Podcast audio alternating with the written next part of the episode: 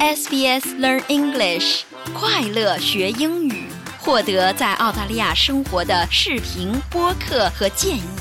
sbs 点 com 点 au 前斜线 Learn English。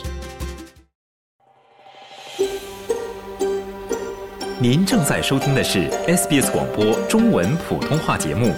更多节目内容，请浏览 sbs 点 com 点 au 闲斜杠 Mandarin，或下载应用程序 SBS Radio App。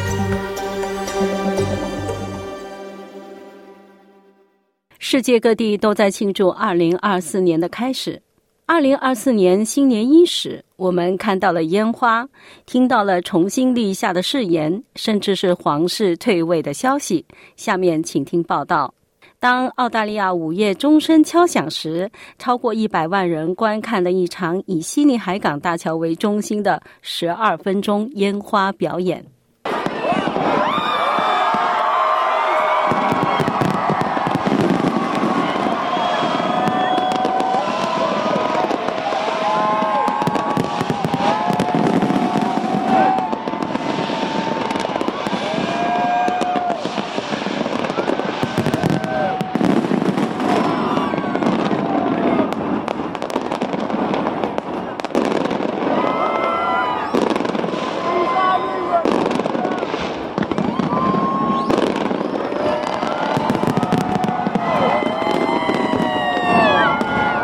克里莎娜来自墨尔本，她首次在悉尼港前滩观赏了这一壮观景象。For me, particularly and personally, it's just be kind to 对我来说，特别是就我个人而言，我的愿望是新年能够善待每一个人，体贴他人。你善待他人，人们也会善待你。出生于肯尼亚的布兰妮已经来悉尼五年了，但他说这是他第一次在现场观看烟花。I decided to just change it up, start a new year, looking different, everything different, and 我希望新年能够做出一些改变，以不同的方式开始新的一年，一切都不同。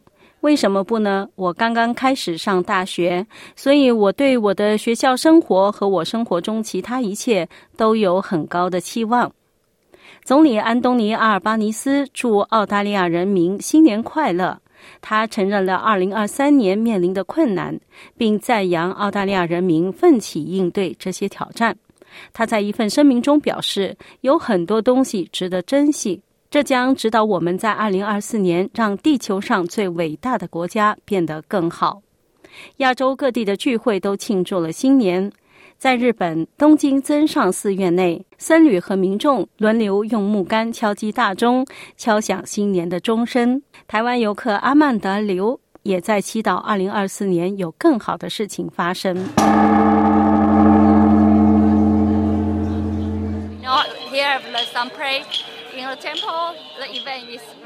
我们来这里是为了祈祷，这里很安静祥和，这就是我们来这里的原因。我祈祷我家人的健康，其次我希望我的生意会成功，第三我的爱情美满。出于安全和防止污染的考虑，中国大多数大城市都禁止燃放烟花爆竹。准备，十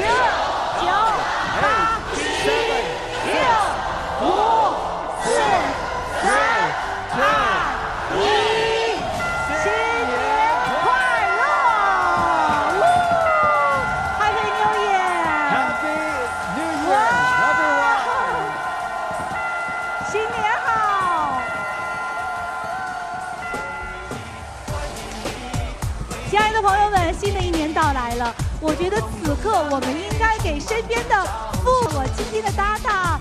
北京首钢园区的倒计时在歌舞声中进行。中国国家主席习近平在新年致辞中表示，中国将利用2024年积蓄经济复苏动力，同时重申中国在统一台湾问题上的坚定立场。巩固和增强经济回升向好态势。We will consolidate and enhance. 我们将巩固和增强经济复苏向好势头，实现经济平稳长期发展。我们必须全面深化改革，增强经济活力。丹麦女王玛格丽特二世在一年一度的除夕夜演讲中意外宣布退位。很自然的，动了手术也引发了我对未来的思考：是否是时候将责任传递给下一代了？我决定现在就是正确的时间。在位五十二年后，他将于一月十四号正式卸任，将权力移交给他的儿子弗雷德里克王储。这位八十三岁的女王是欧洲在任时间最长的现任君主，也是世界上唯一的在位女王。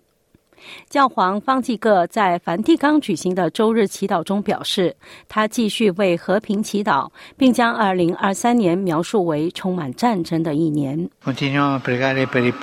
Let us continue to pray for the people suffering from wars. 让我们继续为遭受战争之苦的人民祈祷，乌克兰人民殉难，还有巴勒斯坦人民、以色列人民、苏丹人民和许多其他地方的人民。在一年结束时，你敢问有多少人被战争夺去了生命吗？因为武装冲突，有多少人死亡，造成了多少破坏？谁卷入了这些冲突？听听良心的声音，让我们不要忘记殉难的罗兴亚人。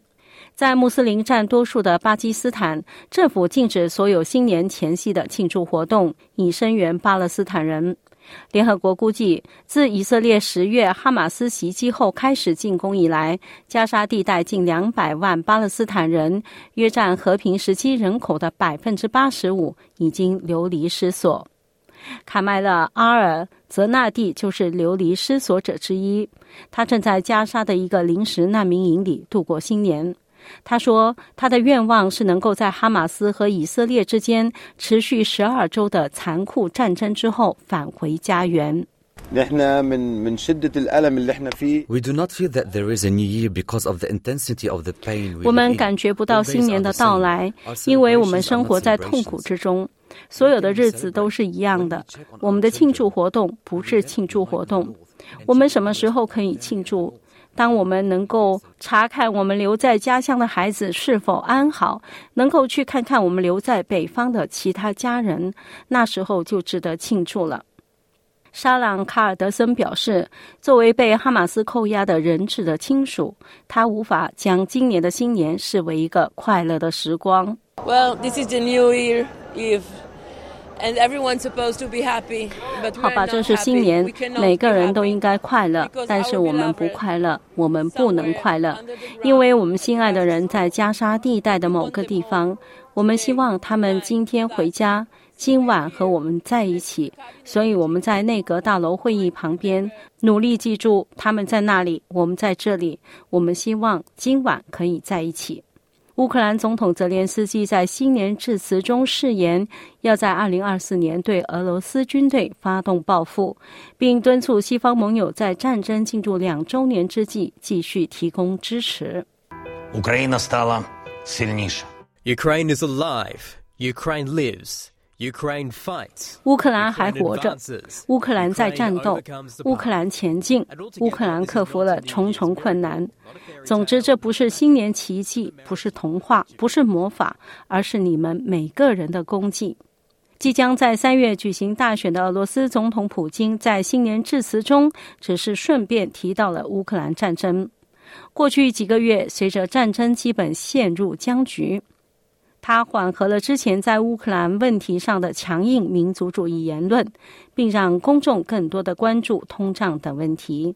他说，他希望重点放在团结上。无论在工作日还是节假日，我们在思想上、工作中和战斗中都团结一致，展现了俄罗斯人民最重要的特征：团结、仁慈、坚韧。各国的选举也定于二零二四年举行，影响了世界一半人口的政治命运。投票地点包括美国、英国、欧盟、印度、台湾、南非和委内瑞拉。法国总统马克龙在新年致辞中表示，六月举行的二零二四年欧洲议会选举对于乌克兰的未来和整个欧洲民主的命运至关重要。2024 sera aussi 2024 will also be a year of decisive choices. We will have to choose a stronger, more sovereign Europe in the light 二零二四年也将是做出决定性选择的一年。根据雅克·德洛尔的传统，我们必须选择一个更强大、更主权的欧洲，一个致力于中东和我们自己大陆和平的欧洲。通过继续支持乌克兰人民，并与他们一起支持我们的安全、自由和价值观。他表示，他期待法国主办2024年奥运会和残奥会，并最终看到巴黎圣母院在经历2019年火灾和大型修复工程之后重新开放。想听到更多这样的故事吗？您可以通过苹果播客、谷歌播客、Spotify。或者您喜爱的方式下载收听。